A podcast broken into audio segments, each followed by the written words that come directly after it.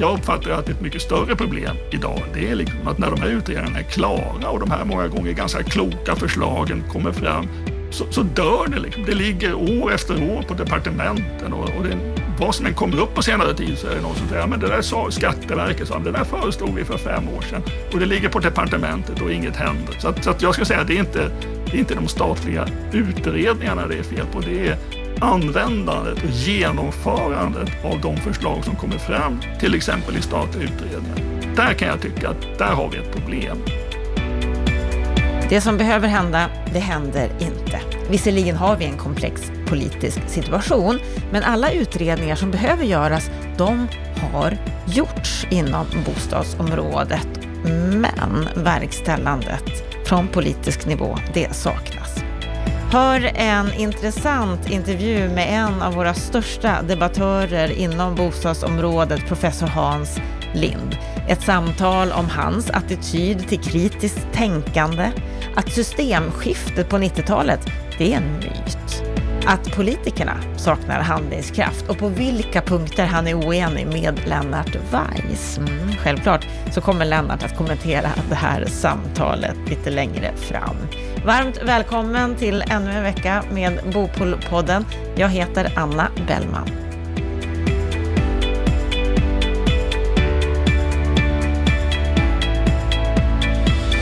Nu ska vi få träffa en av branschens största debattörer som fram tills för några år sedan var anställd som professor i fastighetsekonomi vid KTH. Han har forskat och skrivit om bostads och fastighetsmarknaden till och från sedan 70-talet. Varmt välkommen till Bopolpodden, Hans Lind. Tack så mycket. Vad är din sinnesstämning idag? Ja, den är faktiskt ganska bra. Vi, vi fick vår första vaccinspruta här förra veckan, så att nu kan vi liksom nu kan vi räkna ner veckorna här. Nästa, den sista blir 20 maj och två veckor senare, början på juni, så är vi liksom lite friare människor än vad vi har varit det sista året. Har du känt dig isolerad? Alltså jag har ju inte haft något, jag har ju allt, jag har inte varit någon sån där jättesocial människa om vi säger så. så att den här isoleringen har ju, har ju liksom inte varit något, något jätteproblem och det är ju intressant att se liksom hur det här med, jag och min fru vi är precis lika gamla och vi, har ju, vi är väl en av de få verkar som, som har följt alla restriktioner till punkt och pricka. Så att vi har inte varit inne i en affär på över ett år och så. Men det är intressant att se att allt det funkar liksom. Det kommer hem leveranser från allt från Mathem, från Systembolaget och Bauhaus och Clas Ohlson och så. Så att det är lite intressant att se att man faktiskt kan, kan klara sig utan mycket av det som man liksom trodde var väldigt viktigt. Ja, det är häftigt. Och vi kan ha ett poddsamtal på distans. Precis, precis. Ja. och det har ju varit massor av, det här med Zoom och, och Skype och alla varianter och det har ju faktiskt fungerat förvånansvärt bra. Och det, men det blir också effektivare om man, om man gillar att vara hemma som jag gör. Så blir det ju skönt att slippa sitta på tunnelbanan fram och tillbaka eller pendeltåget. Eller jag kan hålla föreläsning på Chalmers utan att lämna mitt, mitt hus här i Farsta. Liksom. Ja, det är häftigt det här. Vi, vi, vi ser på pandemin och, och, vi tycker olika mycket om den, men det är härligt att få den här positiva synen också. Du Hans, jag, jag skulle vilja börja med, med, med, med starten, skulle vi kunna säga. Du valde Lantmäteriprogrammet 1966. Med 69, så bra, 69, ja. Med så bra betyg efter gymnasiet att du hade kunnat välja vad som helst, men det blev lantmätare trots att du egentligen inte visste vad det var. Har du, har du någonsin ångrat det valet? Alltså jag är inte liksom en person som ångrar val. Det är liksom, jag lyssnar väldigt mycket på musik i mina ungdomar. Det, det finns, jag har en massa refränger i huvudet. En av dem är You can't look back if you're moving on. Och jag tror det här att man gör sina val och sen hamnar man i situationer och sen får man agera utifrån den här nya situationen. Och, och eh, så att det är inte liksom, det är ingenting som jag ångrar. Är du nöjd då med valet? Jag brukar säga det att som, som pensionär ska man vara nöjd om man själv är frisk, en partner är frisk och ens barn har det liksom någorlunda okej. Okay. Och nu är det så att vi är friska, barnen har det någorlunda okej, okay, ja men då så, då finns det liksom ingen anledning att, att tycka att situationen är dålig. Liksom. Mm. Du, du har ju nyss fyllt 70, ser du dig själv som pensionär? Ja, absolut. Det är, man, man minns knappt åka till jobbet varje dag. Det låter ju som en absurd situation. Den här veckan är det faktiskt så att jag har diverse möten som gör nästan, nästan i tre dagar i rad. Måndag, tisdag, onsdag. Jag tänker, arbeta tre dagar i rad, det verkar ju alldeles för mycket. Liksom. Men, men du är ju aktiv, det får vi ju ändå säga. Du, du, du syns ju och hörs. Du skulle kunna luta dig tillbaka helt och hållet. V vad har du för, för tankar? Alltså jag, det här med att, att fundera på saker och skriva saker, oavsett om någon läser eller inte, liksom, va? Det, det, det är någon sorts problemlösningsintresse. Och det, menar, det där har jag gjort sedan jag var liksom 20 år gammal. Jag kan inte tänka mig att sluta skriva. Sen kanske det inte är någonting som, som, som någon läser eller så, men det är bara det här att liksom få ner saker på papper, reda ut oklarheter som man fastnar i. Det är liksom, för mig så är det ett, ett nöje. Liksom. Och jag har ju ingen anledning att, sluta med nöjen bara för att jag är pensionär och, och, och, kanske för att sen efter ett tag så tycker folk att äh, han, har, han har ingenting att komma med längre och det, det, det kommer ju att hända förr eller senare. Så att, men till dess så håller jag på och skriver och funderar. Ja, eller också kommer aldrig den dagen att komma, vi får se. Ja, du, det, du... Det, någon gång kommer den, det kan man vara säker på. Jag kan säga att om någon hade frågat mig för, för fem år sedan, så skulle jag nog ha sagt att ja, efter en tre, fyra år så, där, så, så faller nog intresset. Liksom, Så att, då är det ingen som hör av sig längre. Så att jag hade åtminstone fel i att det har pågått något år till. Liksom. Mm. Du har ju varit med länge, du är känd för att ha åsikter om mycket. Har, har du alltid haft mycket åsikter? Man kan säga det att jag har haft åsikter ungefär sedan jag var 25 år. Innan jag var 25 år så var jag en tyst person som bara läste och inte hade så mycket bestämda åsikter. Men nu har du det, eller har haft ja, men, under många år här. Alltså det blir ju så när man, när man läser mycket, man hör saker så tycker man att, ja men vänta där, jag läste ju filosofi också på universitetet på 70-talet och då, då såg man det här med att hitta luckor i argument och titta på förutsättningar bakom påståenden. Och då, det är klart, när man då läser saker och man hör inlägg så tänker man, men vänta lite, det finns en lucka där och vänta, det finns någon aspekt där som inte har tagits med och så. Så, att, så det, har, det, ligger liksom, det ligger nära till hands att liksom fundera på, håller verkligen det där och, och, och vad skulle jag rekommendera i den här situationen? Mm. Du sa ju till vår expertkommentator Lennart Weiss, han, han citerade dig, att, att, att du för ett kontinuerligt löpande samtal med dig själv. Att du kan tycka en sak en dag och en annan sak en annan dag. Och att du själv kan tycka att det är lite spännande att se vad, vad kommer Hans Lind att tycka idag då? är det här en filosofisk sida hos dig? Nej, men alltså det, det är väl liksom en insikt om att man, man, det kommer hela tiden ny information det kommer hela tiden saker som det visar sig hela tiden att saker har oväntade konsekvenser. Och, och eh, det som kanske var, var, en bra rekommendation vid en tidpunkt är kanske inte en bra rekommendation vid nästa tidpunkt. Så att jag, ty jag tycker mer det att, att eh, man måste hela tiden liksom inte bara fundera på liksom vad, vad har andra för fel i sina argument. Man måste liksom också liksom fundera på vad finns det för luckor i mina egna argument och jag hade en, en filosofilärare som heter Mats Furberg som, som han, han hade en formulering om att en, en vetenskaplig attityd, det är en attityd där man är medveten om att förr eller senare så kommer någon att visa att den här teorin inte håller. För alla vetenskapliga teorier har med tiden ersatts av andra teorier. Och den vetenskapliga attityden det är att vara lite nyfiken på liksom, vad kommer de att hitta för fel i min teori eller i mina argument. Och, och, och det har varit lite av en sport ändå att försöka hitta ett argument mot mina ståndpunkter innan andra gör det. Betyder det här att du är prestigelös? Nej, alltså det vet inte riktigt vad det betyder. Alltså det, det, jag tycker bara det att jag vill väldigt gärna ha rätt. Och då måste man ju inse att det som jag sa igår, det var kanske inte rätt. Liksom. Och då måste jag hela tiden vara kritiskt granska saker som jag har sagt. Det är inget kul att det visar sig efter tio år att man hade fel på någon viktig punkt. Man vill ju hitta de här felen så fort som möjligt så att man kan liksom få liksom bättre underbyggda ståndpunkter och, och, och, och, förslag som passar i den aktuella situationen och som kanske är mer politiskt möjliga än de förslag som man framförde tidigare. Jag får tanken, betyder att du är principlös? Alltså det, det är ju en... Jag kan säga det att jag, jag gick ju med liksom i Vänsterpartiet, eller VPK som det hette 1975 och jag var ju liksom verksam i Vänsterpartiet fram till 1992. Och det är klart att och det har jag ju fått med mig naturligtvis från, från mina föräldrar. Liksom. Min pappa han var aktiv socialdemokrat i många år.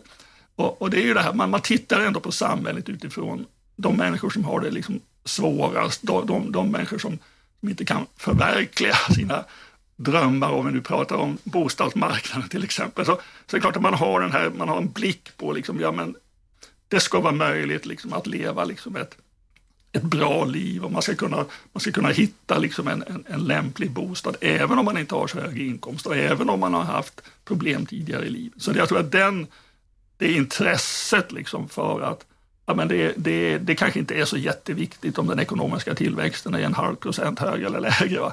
Men det är ändå viktigt att alla människor kan, kan känna att jag kan leva ett bra liv och, och eh, är det så att jag vill skiljas från min partner så ska jag faktiskt kunna hitta en billig bostad till mig ganska snabbt. Liksom. Så det, det, det, det perspektivet har jag liksom med mig. Sen har jag inga, jag har inga liksom bestämda åsikter om medel. Och det var det som störde mig liksom i Vänsterpartiet. Att det var, man skulle slå vakt om offentlig sektor och man skulle vara emot marknad. Men, men varför? Efter ett tag hade man ju tappat bort, men glöm inte bort målet. Om det nu är så att det finns en massa problem i offentlig sektor, då ska väl liksom vänstern vara de första som tar itu med de problemen för att vi ska nå det mål som man, som man har ställt upp om att alla ska ha liksom en, en rimlig chans. Ja, för du, du har ju varit väldigt tydlig med att du är för marknadshyror. Och det är ju ja. inte så vänsterparti-inriktat. Alltså jag, jag, när jag kom till KTH början på 90-talet så skulle jag hålla en kurs i stadsbyggnadsekonomi. Och det hade jag ju aldrig sysslat med innan, så då läste jag in mig lite och så hittade jag en artikel om, om sån översikt om litteraturen om zoning i USA. Liksom. Och det intressanta med den litteraturen, det var att där var det liksom självklart. Regleringar är till för att gynna de rika, stänga ute fattiga människor från kommunen och, och marknaden är de fattigas vän. Liksom. För det, det, finns ju alltid företag som ser att vi kan tjäna pengar på att bygga lite enklare bostäder och hyra ut dem till ganska låga hyror till, till människor med lägre inkomster. Så att jag tycker att den artikeln pekar på det här som, som, som att vi, vi kan inte ta för givet att regleringar är bra för hushåll med låga inkomster. Och, och, och, då måste vi också ha ett pragmatiskt synsätt på vilka regleringar är motiverade, vilka regleringar är inte motiverade, vilka är det som skapar en massa negativa effekter. Och så. Jag hade varit för en, en radikal avreglering av hyresmarknaden om det hade varit ett sådant förslag 1995 när det var liksom överskott av bostäder, det fanns tomma lägenheter i förorterna, det var marknadshyra liksom i, i säg 80 procent av beståndet. Men idag när vi har liksom bostadsbrist och köer till hyreslägenheter överallt, då är naturligtvis en, en radikal avreglering av hyresmarknaden, det är ju helt fel. Liksom. En marknadsliberal kommunist? Alltså, ja, kommunist är ju sånt där ord som man använder på alla möjliga sätt. Jag har, använt, har aldrig använt om mig själv. Liksom. Att, Nej, men du sympatiserar med Vänsterpartiet fortfarande, eller? Jag det var väldigt länge sedan jag röstade på Vänsterpartiet. Men jag, hade, jag, var ju, jag var ju expert i Nooshi Dadgostars bostadsutredning, så att jag hade ju lite kontakt med henne. Det var en trevlig, sympatisk människa. Så jag, jag, kanske, jag, kanske, jag kanske återvänder till, till Vänsterpartiet den här gången. Men jag tycker att Vänsterpartiet, man har haft alldeles för... Man har underskattat marknadens betydelse, man har slagits för... för alltså det var lite störande på 90-talet när man gick på en vänsterpartikonferens och någon går upp och säger att nu måste vi sätta klackarna i marken och spjärna emot. Alltså det, alla förändringar det går åt fel håll och allt det marknadsliberalerna tar över. Istället för att tänka liksom lite mer dialektiskt. Då, att det, det sker svängningar, vi måste tänka framåt. Vi kan inte säga att allt var så jättebra på 70-talet och vi ska tillbaka till, till den perioden. och Så, så, att, så att det, jag har haft väldigt svårt att rösta de senaste 20 åren. Liksom. Men, men eh, vi får se vad det blir. Liksom. Jag, däremot kan jag säga att jag har aldrig röstat på ett borgerligt parti och det lär väl det lär väl inte hända heller, men, men jag har lagt ner, jag har röstat blankt ett antal gånger faktiskt. jag har varit så besviken både på, på Vänsterpartiet och Socialdemokraterna när det gäller liksom det som de för fram som viktiga förslag. Om, om vi tittar på, på skiftningarna som har varit under årens lopp, du var ju med under systemskiftet på 90-talet. Var det nödvändigt? Det var inget systemskifte. Alltså det är en av de största, det är de största myterna som finns när det gäller, när det gäller vänstern och eh, syn på vad som har hänt. Vad var det för systemskifte? Efterfrågan på bostäder sjönk. Det fanns ingen anledning att bygga för det fanns ett överskott av bostäder. När sen efterfrågan tog fart, då, då sjunker räntorna. Då behöver vi inga räntesubventioner. Alltså det, det stora. Och vilka är det som styr över byggandet? Kommuner med planmonopol, staten med riksintressen och allt möjligt annat. Alltså den här föreställningen om att på 90-talet tog marknaden över. Det stämmer ju bara inte. Liksom. Men detta med kommunernas roll för bostadsförsörjningen, höga tomtpriser, hur vi ska bygga mer. Vad är kommunernas roll? Alltså jag tycker att kommunernas roll borde vara det självklara egentligen. Se till att det finns mark att bygga på så att man kan bygga eh, bostäder som vänder sig till olika målgrupper. Det, det, det, ska, det ska byggas standardbostäder och det ska byggas lyxbostäder, det ska byggas radhus och villor och det ska byggas flerfamiljshus. Men hela bostadsförsörjningsansvaret för mig, det handlar om att kommunen ska, med de redskap som man har, bidra till att det finns möjlighet för, för alla grupper i kommunen att hitta en bostad på rimliga villkor. Och, och eh, då kan man ju precisera med rimliga villkor. Jag har sagt några gånger att det ska gå att hitta en etta som kostar 5 000 eller mindre eh, på rimligt pendlingsavstånd. Jag har sagt att en familj med, med två vanliga inkomster ska kunna köpa ett radhus i en förort efter att ha sparat i fem år. Alltså jag tycker man kan man ska börja med det här individperspektivet och se ja, men här har vi grupper som inte har en rimlig situation och då ska kommunen planera utifrån att, att uh, underlätta för de här grupperna att hitta en bostad.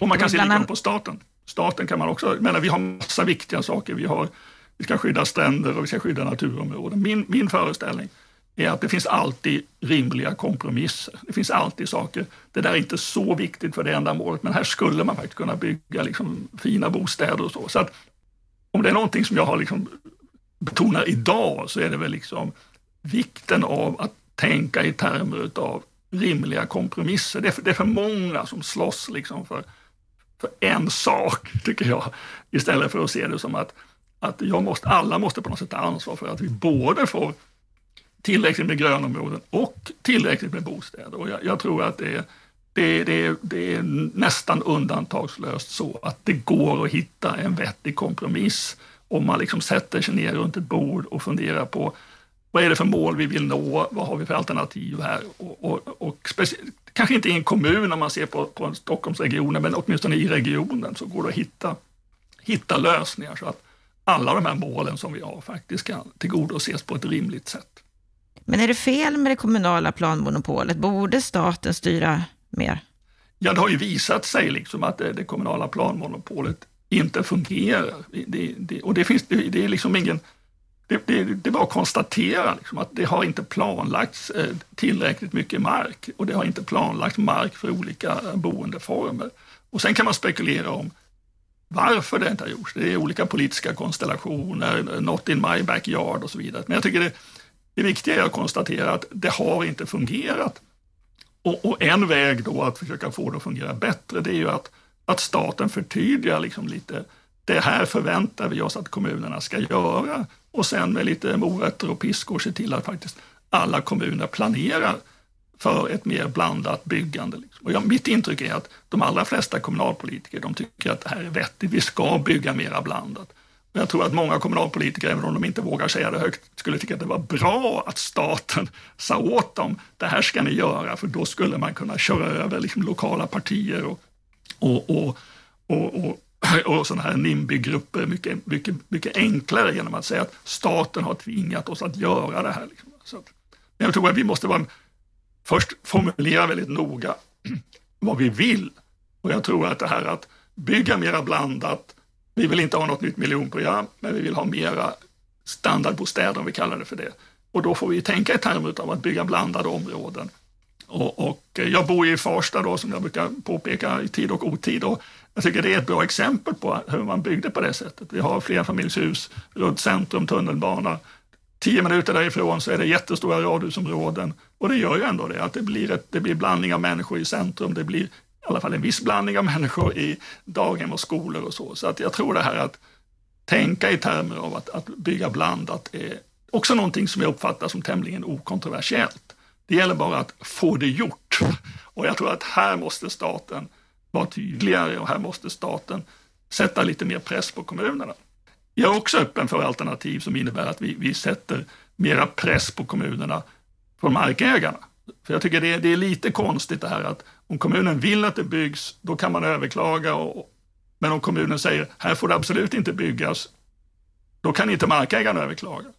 Och jag tror att det är en sån överklagande möjlighet där då någon form av domstol eller länsstyrelse skulle bedöma, Finns det verkligen sakliga skäl för att säga nej till att bygga på den här, det här markområdet? Jag tror att det skulle också vara bra för att få lite mer balans här. Nu är det så väldigt många i, i fastighetsbranschen som inte vågar kritisera kommuner för att de vet det att även om det kanske, kommunen kanske inte skulle göra det, så, så vet man ju, tänk om kommunen hämnas på något sätt. Markanvisningar, det är subjektiva bedömningar, vilka planärenden ska prioriteras. Tänk om jag hamnar underst i högen om jag säger att jag tycker att det här går alldeles för långsamt. så att, jag tycker att, att eh, monopol är liksom aldrig bra. Det måste finnas en möjlighet att få beslut prövade utifrån, var verkligen det här sakligt motiverat?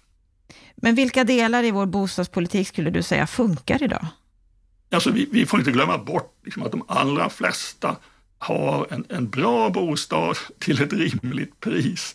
Och det är klart att det är inte resultatet av dagens bostadspolitik, utan det är ju resultatet av att vi har, vi har byggt historiskt mycket och vi, vi, har, vi har ett stort bostadsbestånd och så. så att det är viktigt här att, att, eh, att inte, inte tappa bort det här. Att det, det är klart, ser vi det här i ett globalt perspektiv, att då har vi några problem i Sverige. Det är klart att vi inte har det. Liksom. Men samtidigt så måste man ju ha det här individperspektivet och det finns människor idag som, som känner att jag kan inte flytta till den orten för det är för dyrt att bo där. Jag kan inte studera i Stockholm för det är för dyrt. Jag, och, och, det finns det här som jag folk, par som vill separera, hushåll som, barnfamiljer som letar efter ett radhus. Alltså det finns en massa situationer där man kan tycka att det här skulle man kunna hantera på ett, ett smidigare sätt men ändå inte jätteradikala förändringar av bostadsmarknadens funktionssätt. Om vi tittar på det här med hyrt respektive ägt. Här pratar vi ofta om att, att hyrda bostäder är en ganska dyr boendeform, men framtidigt så, så framstår det ofta som den enda lösningen för ekonomiskt svaga hushåll. Om man inte går på social housing.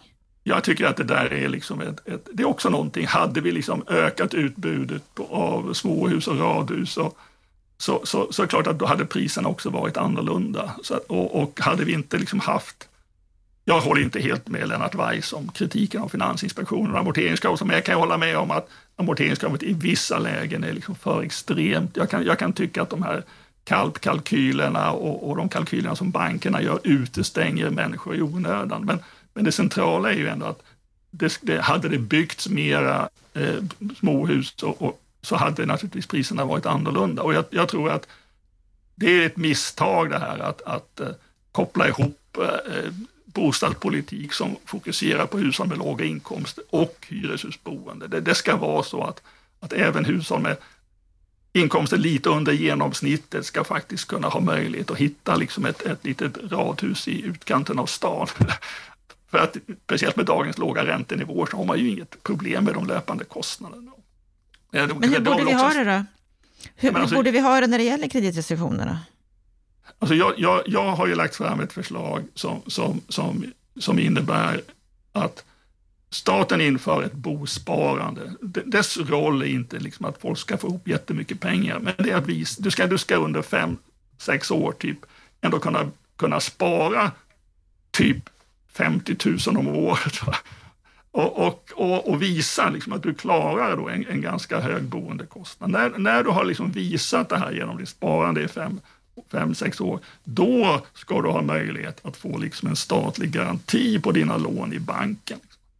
Och, och, och komma undan de här, eh, både en del av bo, bolånetaket och, och de här högst, högsta amorteringskraven. Men, men det, man, jag måste säga det att om man bara jobbar med den typen av förslag och inte samtidigt ökar utbudet ordentligt, ja, men då får vi ännu högre priser. Så får vi förr eller senare någon krasch kanske, vem vet. Så att jag, jag, jag skulle betona att det, det, det primära det är att öka utbudet av, av den typen av boende som, som många efterfrågar. Och sen på marginalen skruva lite på de här bolånetaken och amorteringskraven om du köper något billigt. Liksom. Det ska ju vara så att ah, ska staten ge en garanti så är det inte för att du köper liksom en, en villa för 15 miljoner i Bromma, utan det är om du köper liksom ett, ett, ett radhus i, i, i, i handeln för 5 miljoner. Då kan du, eh, eh, det, det, det, det är för den typen av köp det, det är ju som, som, staten ska hjälpa till. Det ska inte vara några generella åtgärder, utan det ska ju vara riktat och, och kanske också riktat om man vill begränsa riskerna för staten så får man ju rikta det till mot unga hushåll. För det är ju det är liksom i den situationen som man då man har kanske inte de höga inkomsterna ännu eller, och, och man, man, man, har, man har barn eller planerar att skaffa barn. Och, och då är den här, den här radhus och villadrömmen, den är fortfarande väldigt stark. Liksom. Så då kan jag tycka att ja, men då, då måste vi liksom anpassa utbudet lite mer efter efterfrågan här. Men kreditrestriktionerna ska vara kvar? Alltså, alltså jag tycker i grunden att de är bra. Alltså jag, jag tycker ju att liksom, självklart ska man amortera liksom, och självklart ska man liksom ha en, en kontantinsats som inte är obetydlig. Men, men jag tycker man kan diskutera varianter där man säger att för den här gruppen i den här situationen så kan man göra vissa undantag. Och det var ju en diskussion tidigare att, att om man köpte i nyproduktion så skulle, skulle reglerna se lite annorlunda ut. Jag tror att det finns möjlighet att, att skruva på det här utifrån och titta på just den, den hushållsgrupp då som jag tycker är intressantast att, att fokusera på. De, de, alltså familjer som har ska säga, vanliga jobb, kanske inkomster lite under genomsnittet men ändå liksom inte, inte jättelåga inkomster. Det är klart att det, det ska vara möjligt för, för den typen av hushåll att efter några års sparande kunna, kunna köpa liksom ett litet radhus i en förort. Det är ju liksom, det är egentligen absurt att, att de inte kan göra det idag enligt, enligt vissa uppgifter i alla fall i, i, i storstäderna. Mm. Och många är ju kritiska till, till det här systemet och till Finansinspektionen och Riksbanken och vi har ju intervjuat många här i Bopolpodden eh, som är experter på olika områden. Jag, jag, är lite nyfiken Hans, hur du ser på just de här rapporterna som OECD, att det kommer internationella myndigheter hit, intervjuar experter och sen så hänvisar Finansinspektionen och Riksbanken ofta till de här rapporterna som någon slags sanning om läget på marknaden. Vad säger du om det här? Alltså, alltså det är ju, det är ibland, ibland blir man liksom lite cynisk, så jag tänker som så att man vet vilka personer det är som skriver de här rapporterna. Det är ofta nationalekonomer i någon sorts mainstream national. Man, man vet liksom vad de... Det ska, vi ska avreglera hyresmarknaden och vi ska göra diverse andra saker. Jag tycker att, att det brukar inte tillföra jättemycket liksom till diskussionen. Det, det viktiga, vi måste titta på sakargumenten oavsett vem det är som säger dem. Liksom, och, och, och jag tycker att den här jag saknar många gånger det här individperspektivet, att man, man, man, man tittar på ett antal olika grupper och ser liksom vad kan de hitta, vad kan de inte hitta, vad har de råd med, vad har de inte råd med. Och sen utifrån det identifiera, ja men det där tycker inte vi är vettigt och det där är ju inte vettigt. Liksom, och, och, utifrån det kan man sen liksom designa en, en politik. Liksom, men, men det kanske blir mycket mer av det här att skruva lite här och där och inte, inte det här svepande stora förändringar utan att, att äh, det, det, är lite mer man kan hitta lösningar på marginalen och, och jag tror också det med att vi ska inte avskaffa det kommunala planmonopolet, men vi ska sätta lite press på kommunerna och vi ska tala om lite tydligare från, från riksdagen. Det är det här ni ska göra. Liksom. Jag, mm. jag gjorde en parallell en gång i tiden där jag, där jag sa inför ett antal kommunalråd så sa jag liksom att tänk om ni skulle säga vi tycker det räcker med sjuårig skola i vår kommun. Liksom. Mm. Och då, då skrattar ju alla. Liksom. Staten har sagt att det ska vara nioårig skola och ingen tycker att det är konstigt. Ingen tycker att det är ett inskränkande av det kommunala självstyret. Men varför kan då inte staten säga ni ska planera på ett sådant sätt att alla inkomstgrupper ska ha möjlighet att hitta en bostad i er kommun? Skulle man införa någonting sånt så skulle man om tio år tycka att det är precis lika självklart som att staten bestämmer hur många år som, som barnen ska gå i skolan. Men mot bakgrund av det här som du säger nu, tycker du att Finansinspektionen har rätt hållning och, och, och lyssnar på rätt organ och gör rätt rekommendationer och beslut? Alltså jag är inte så där jätteintresserad av Finansinspektionen, för jag tror att nyckeln ligger ändå i byggandet. Liksom. Och, och, nyckeln ligger då i den kommunala planeringen, hanteringen av riksintressen, och naturligtvis också lite hur, hur agerar de privata företagen? Vill de liksom bygga långsamt eller är de beredda att liksom öka utbudet och så? Jag tycker det är en intressant utveckling när det kommer företag som, som Åbost i Sverige och, och även andra företag som är fokuserade på den här lite boklok-nischen främst. Alltså vi ska bygga bra vanliga bostäder, lite standardiserade så vi får ner kostnader och sen kan vi liksom få ut lite mera bostäder både på hyresmarknaden och, och på ägarmarknaden i det lite billigare segmentet. Så att för mig så är de här finansierings Lennart Weiss och vi är överens om väldigt mycket, men, det, men vi har alltid varit oeniga om det här med finansiella aspekternas betydelse. Jag tänker, det finns massor av pengar idag i världen, liksom det är, räntorna är låga, finansiering bör väl inte vara något problem. Liksom. Och, och, eh, utan det är det här planeringssystemet, det är där som vi liksom har, där vi måste ta itu med problemen. Sen kan jag hålla med i hans kritik av, av att amorteringskraven är liksom för långtgående i, i vissa situationer. Jag kan hålla med om att att det bör finnas möjligheter att göra undantag från bolånetaket och så. Men, men, men jag tycker att man ska skjuta in sig på det. Vad är det viktigaste att förändra? Då skulle jag säga att idag så är liksom det viktigaste att förändra det är processerna kring eh, bostadsbyggandet. Vi kommer definitivt att få höra hans kommentar på det du säger här efter samtalet. Du, det sista som jag vill ta upp med dig Hans, det är en krönika som du skrev på bostadspolitik.se alldeles nyligen. På bara några dagar så fick den 5 000 läsningar, vilket är något av ett rekord. Den, den har rubriken “Härtill är jag nödd och tvungen”. Du har ju läst eh, utredningen Stärkt planering för en hållbar utveckling. Du noterar stora brister. Utredningen innehåller bland annat slentrianmässiga formuleringar och ogenomtänkta argument som saknar empiriska undersökningar. Så inleder du den här krönikan. Vad är det du egentligen är kritisk till? Alltså jag, jag har suttit i, ett antal debatter genom åren då, och med människor som, som säger saker som att egentligen behövs ingen privatbilism. Och, och, vi, och nu har vi, vi kunde läsa bara häromdagen att, att eh, borgarrådet här i Stockholm, Heldén, säger att egentligen behövs inga parkeringsplatser i nybyggda områden mer än för liksom, handikapparkering. Och, och, och det är lätt att ersätta privatbilismen med, med, med bilpooler och kollektivtrafik. Och då tycker jag att ja, men då har man ingen koll på hur människor använder sin bil. Jag, jag, jag har inga problem med att man har höja bensinskatter. Jag har inget, inget heller problem med att man i, i, i, i, vidtar åtgärder centralt i stan. Men man måste ju liksom fatta liksom att bilen spar en massa tid och bilen öppnar möjligheter. Jag tror att vi var, vi är väl inte de enda som skaffade bil när vi, när vi fick vårt andra barn 1990. För att ska man ut på landet och har man liksom två små barn och, och ska åka, liksom, först ska man åka tunnelbana in till Centralen och sen ska man åka tåg till Nyköping och sen ska man åka buss därifrån och så ska man promenera en kvart. Alltså, det, det är så många situationer där bilen är praktisk och, och, och inte, det kan inte på något enkelt sätt ersättas av bilpooler och kollektivtrafik. Och då tycker jag det att vi ska fokusera på att göra miljövänligare bilar. Liksom. Vi ska inte liksom fokusera på att, att begränsa bilismen mer än till exempel i, i, i centrala delar av en stad. Och så. så jag först, och när man då läser de här rapporterna och hör de här inläggen så låter det så enkelt. Va? Ja, men vi bygger ut kollektivtrafiken, det finns inga kalkyler. Vad skulle det kosta? Liksom? Och, och, och, här är jag lite nyfiken när du, när du berättar det här. Alltså, finns det, alltså, du som har läst så många utredningar och analyser, ser du ett generellt problem med statliga utredningar? Just det här att det är för dåliga faktaunderlag, det är för dåliga analyser?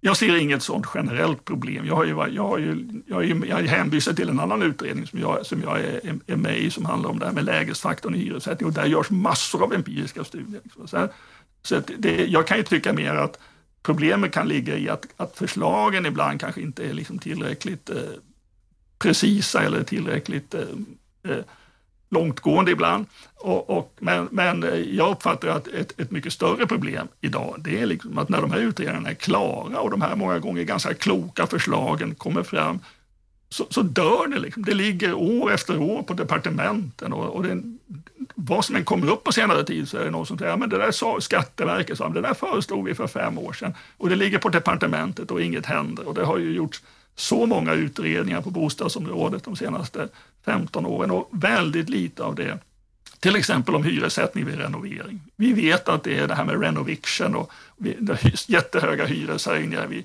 vid, vid, vid renoveringar. Eh, trots att inte boendenyttan ökar så där jättemycket. Liksom. Det, har, det har kommit en rad olika förslag, det var en statlig utredning för det var snart fem år sedan. Men ingenting händer. Så, att, så att jag skulle säga att det är, inte, det är inte de statliga utredningarna det är fel på, det är användandet och genomförandet av de förslag som kommer fram, till exempel i statliga utredningar. Eh, där kan jag tycka att där har vi ett problem när jag lyssnar på dig, om vi ska försöka sammanfatta vårt, vårt samtal här, så låter det som att det du efterlyser, det är ett större politiskt verkställande. Både ja, gentemot det... kommunerna, men också gentemot att få utredningar att bli verkstad.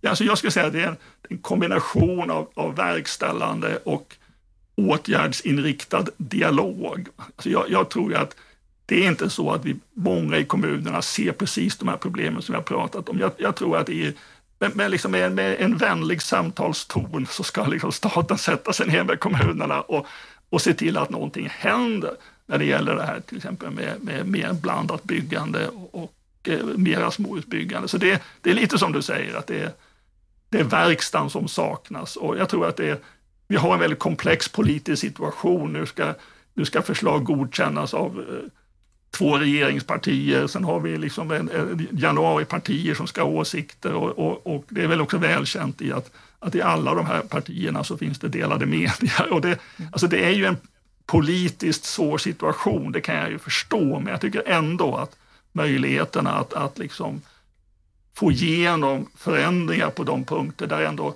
väldigt många som har liksom tittat på de här områdena håller överens om att ja, men det här här måste vi ändra på någonting. Och jag tycker det här med, med hyreslagen och renoveringar, det, det, det, är ett bra exempel på ett område där, där vi, vi egentligen har flera olika förslag som är ganska enkla att genomföra och eh, som man kan testa. Liksom. Och, eh, men eh, ingenting är ju liksom, man kan testa någonting och så ser man att det kanske inte blir så bra, då kan man ändra det. Liksom. Men, men det här att det tar så väldigt lång tid att ta itu med problem, där kan jag tycka liksom att det, det, det, ja, det, där har vi så att säga ett, uppenbarligen ett, ett, ett problem. Och, och eh, eh men som sagt, det är, även i kommuner, vi har väldigt många partier. Det, det, det krävs ju verkligen liksom ett, ett, ett, eh, ett driv, om vi säger så, för att liksom sy ihop eh, åtgärder och, och, och förslag i, i, dagens politiska läge. Mm. Och då kanske det behövs en tydligare politisk styrning och då kanske det krävs att du också måste rösta i nästa val, Hans Lind. Ja, precis. Det kan hända att det är så. Och ja. jag, jag, jag, jag får ju alltid, alltså när jag, varje gång som jag röstar blank så får jag liksom en utskällning av min fru som tycker att du får för fan ta ställning. Men, ja, är det något sagt. jag tror att du kan göra så är det nog precis det. Stort tack! ja, stort tack för att du var med i Bopolpodden, Hans Lind.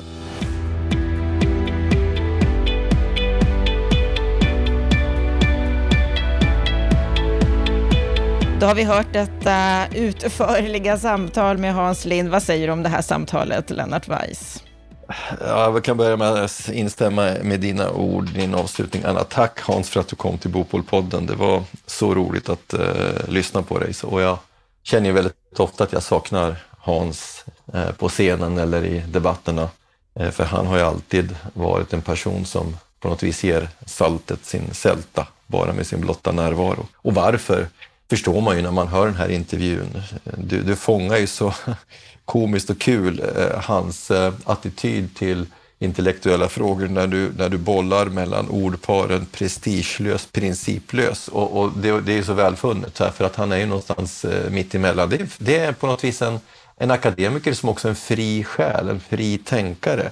Och att ständigt gå omkring med ambitionen att få rätt genom att vara beredd att ompröva sina egna tankar. Det är väl en underbar intellektuell hållning. Ja, han säger ju det att han alltid vill först hitta felaktigheterna i sina egna argument innan någon annan hinner göra det. Det är ett ganska annorlunda sätt.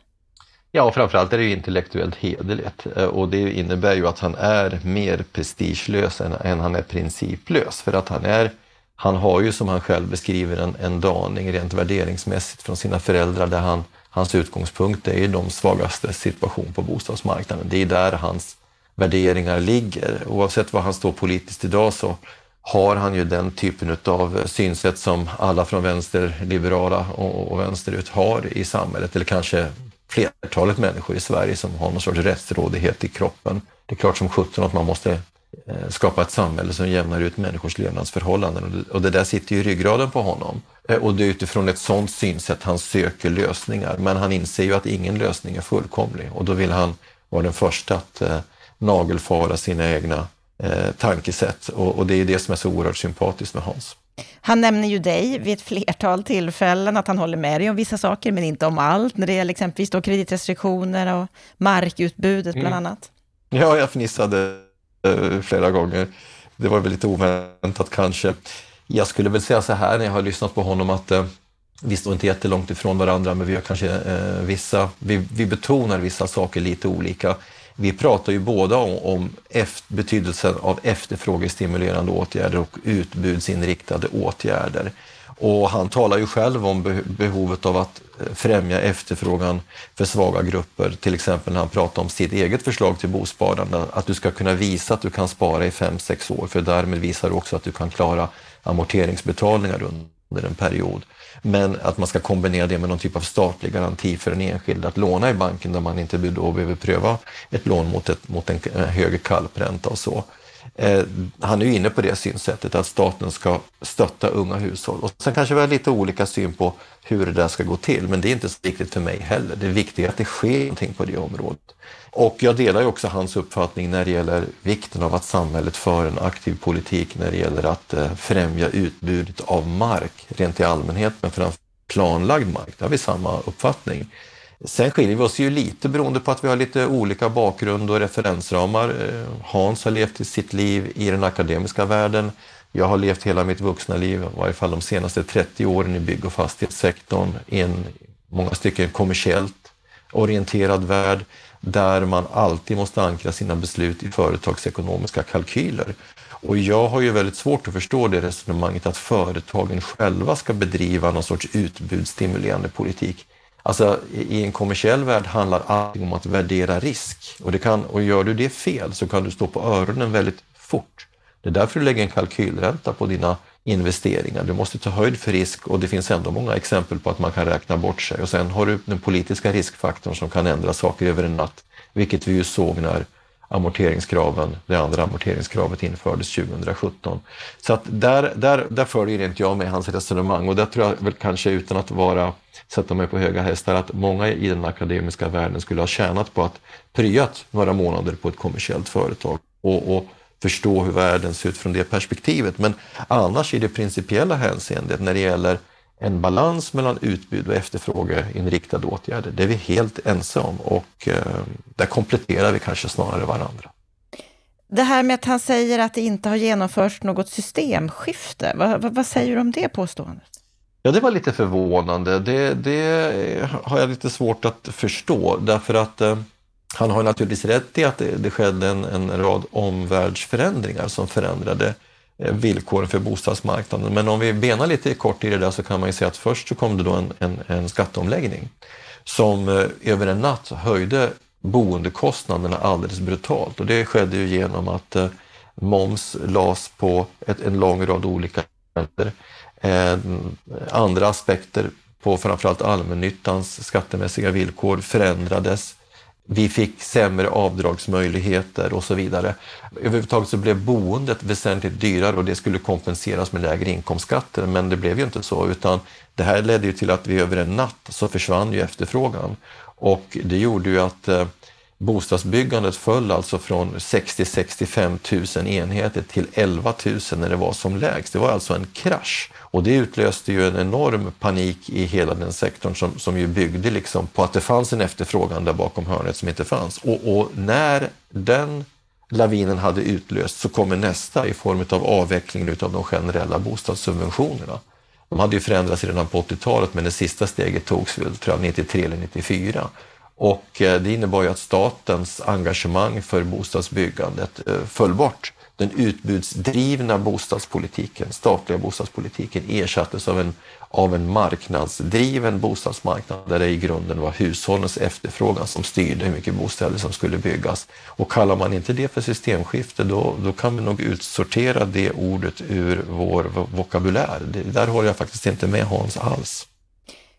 Något som vi försökte sammanfatta på slutet, det var ju när vi pratade om alla utredningar som görs, men att det kanske inte händer så mycket politiskt. Politikens oförmåga att få saker att hända. Håller du med honom i den slutsatsen?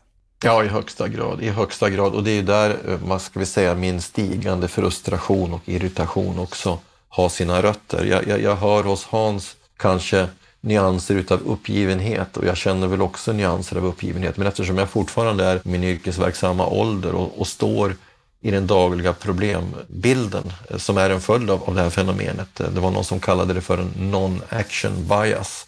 Eh, så, så är jag kanske mer frustrerad än uppgiven än så länge det är så här. Det, det, vi, vi säger ju själva eh, när vi har redaktionsmöten här inom bostadspolitik.se, vi säger ju ganska ofta att allt är utrett, allt är sagt och ändå händer ingenting. Och det är ju det problemet som vi ju ofta rotar i. Det, det är därför jag också blir förbannad ibland när, när politiker inte möter oss med sakargument eller myndigheter helt enkelt eh, dribblar bort fakta bakom dimridåer av påståenden som inte är korrekta. Då förstår att jag pratar om Finansinspektionen igen. Va? Så att eh, det här är ett problem och det, det belyser väl att bostadsfrågan inte längre tillhör politikens kärnområden. Det tillhör inte välfärdspolitikens kärnområden, vilket ju är extremt märkligt eftersom boendet är en av de fundamentala aspekterna på ett gott liv. Och, och i perspektiv av den situation vi har fått, där en hel ungdomsgeneration möter en stängd dörr och inte kommer in på bostadsmarknaden, sett i perspektivet av deras föräldrageneration, 40-talisterna, så är det som sker just nu en politisk skandal utav enorma mått. Och jag är helt säker på, det har jag sagt förut, att förr eller senare så kommer det här att bita politikerna i rumpan rejält. Ungdomarna och den yngre generationen kommer bli ursinnig och då kommer ett politiskt svar på det här och hur det kommer att se ut det vet vi inte än. Men det kommer. Så jag är helt ensam med Hans på den punkten. Då har vi hört samtalet med en av branschens stora debattörer, Hans Lind, och Lennart Weiss kommentar på den. Och visst, de är oense om vissa saker, men ganska mycket är de ju också överens om. Då har det blivit dags för en repris av veckans Aktuellt som vi sände i fredags.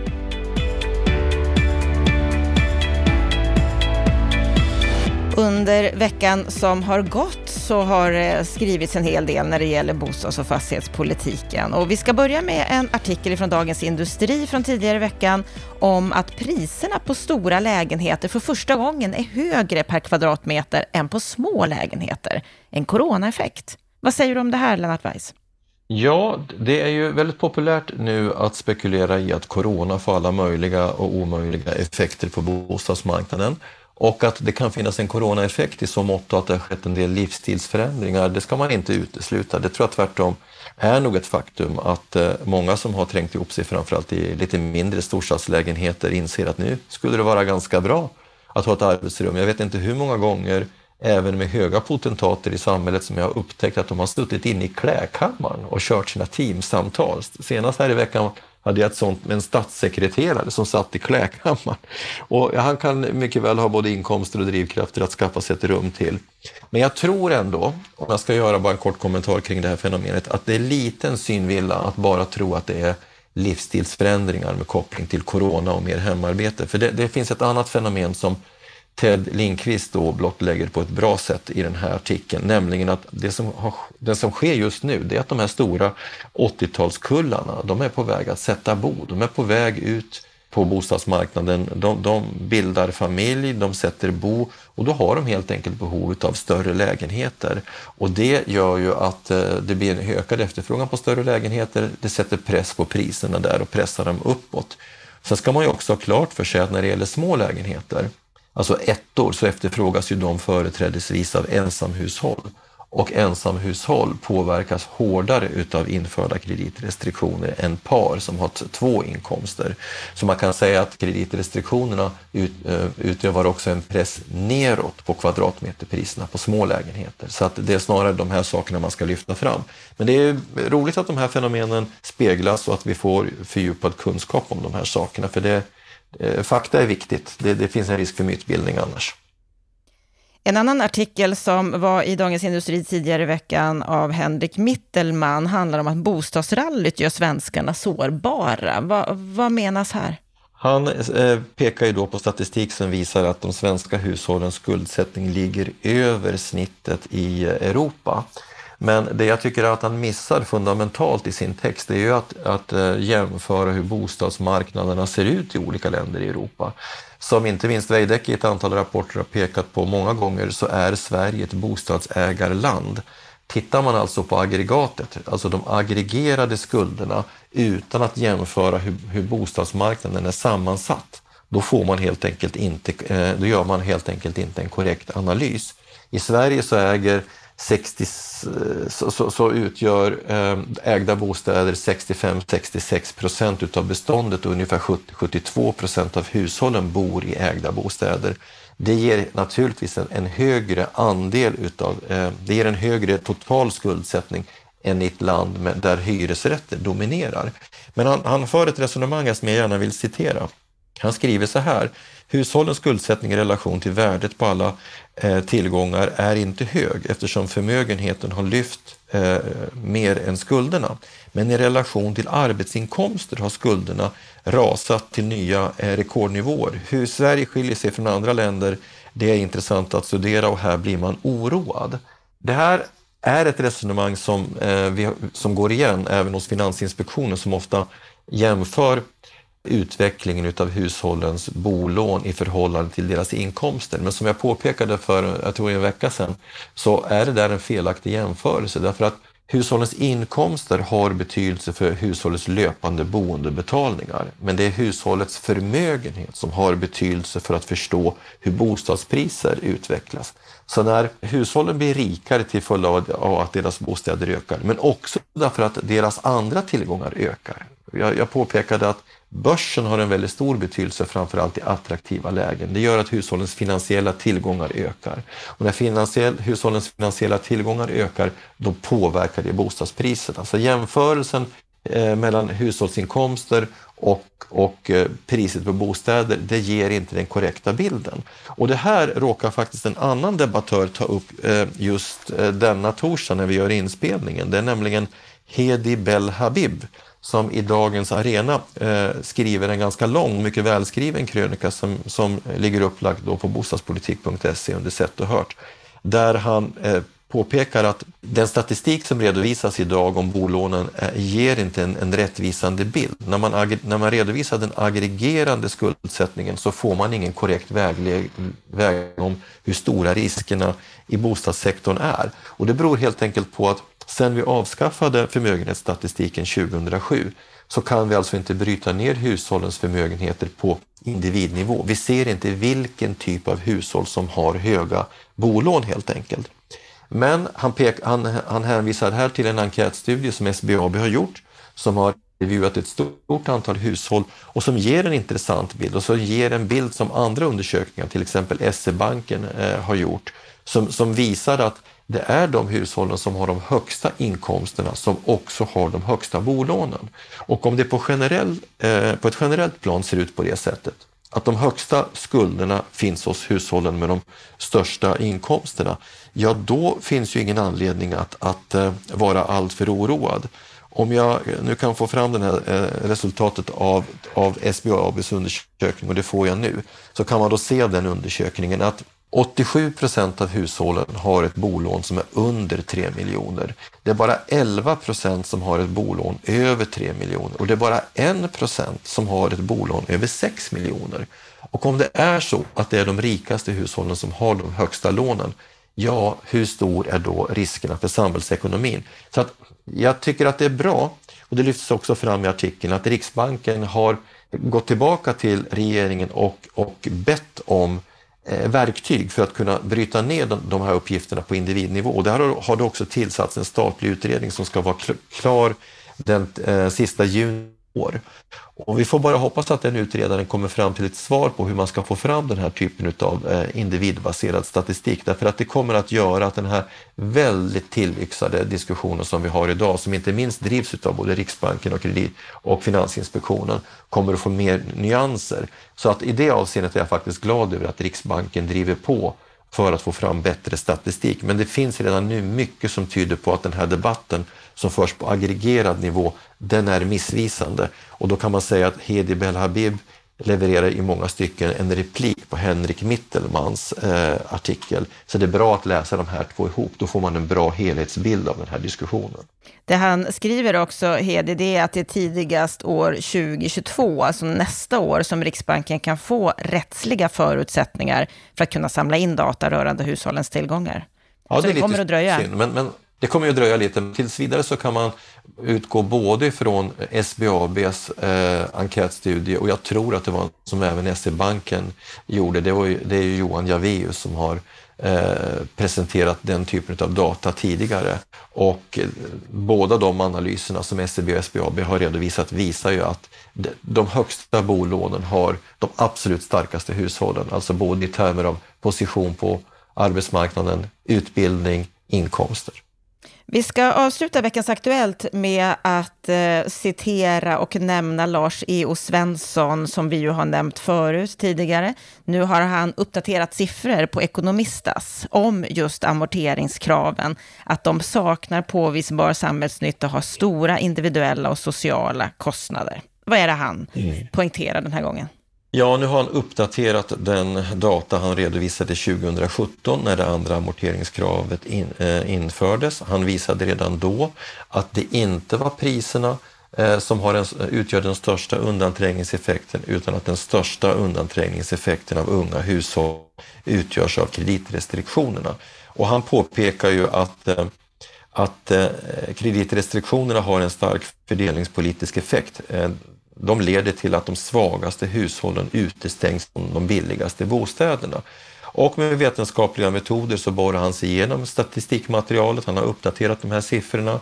Han kan alltså visa att jämfört med 2014 års situation på bostadsmarknaden så, så kan man säga att med eh, dagens eh, villkor så eh, med 7 eh, kalpräntor och, och amorteringsregler så, så kan eh, eh, 26 procent Eh, utav ungdomarna i relevant eh, ålder då efterfrågar bostäder. Och tidigare så var det 54 procent. Med Bankföreningens förslag till amorteringsregler som var mycket mildare så kunde 54 procent efterfråga. Så att undanträngningseffekten är väldigt, väldigt stor.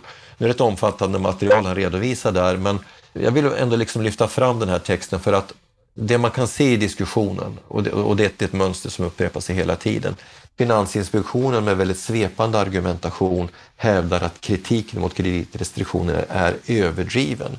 Lars E.O. Svensson går ner i detaljer och det gör för övrigt även Harry Flam och John Hassler och, och Robert Boye. De går ner i detaljer, de redovisar räkneexempel, de jämför olika grupper med varandra och så avfärdas det väldigt svepande av Finansinspektionen eller så svarar de inte. Det, det, är också en taktik som man har utvecklat, att man svarar, går inte i svaromål, man tar inte genmäle, man ställer inte upp i debatter.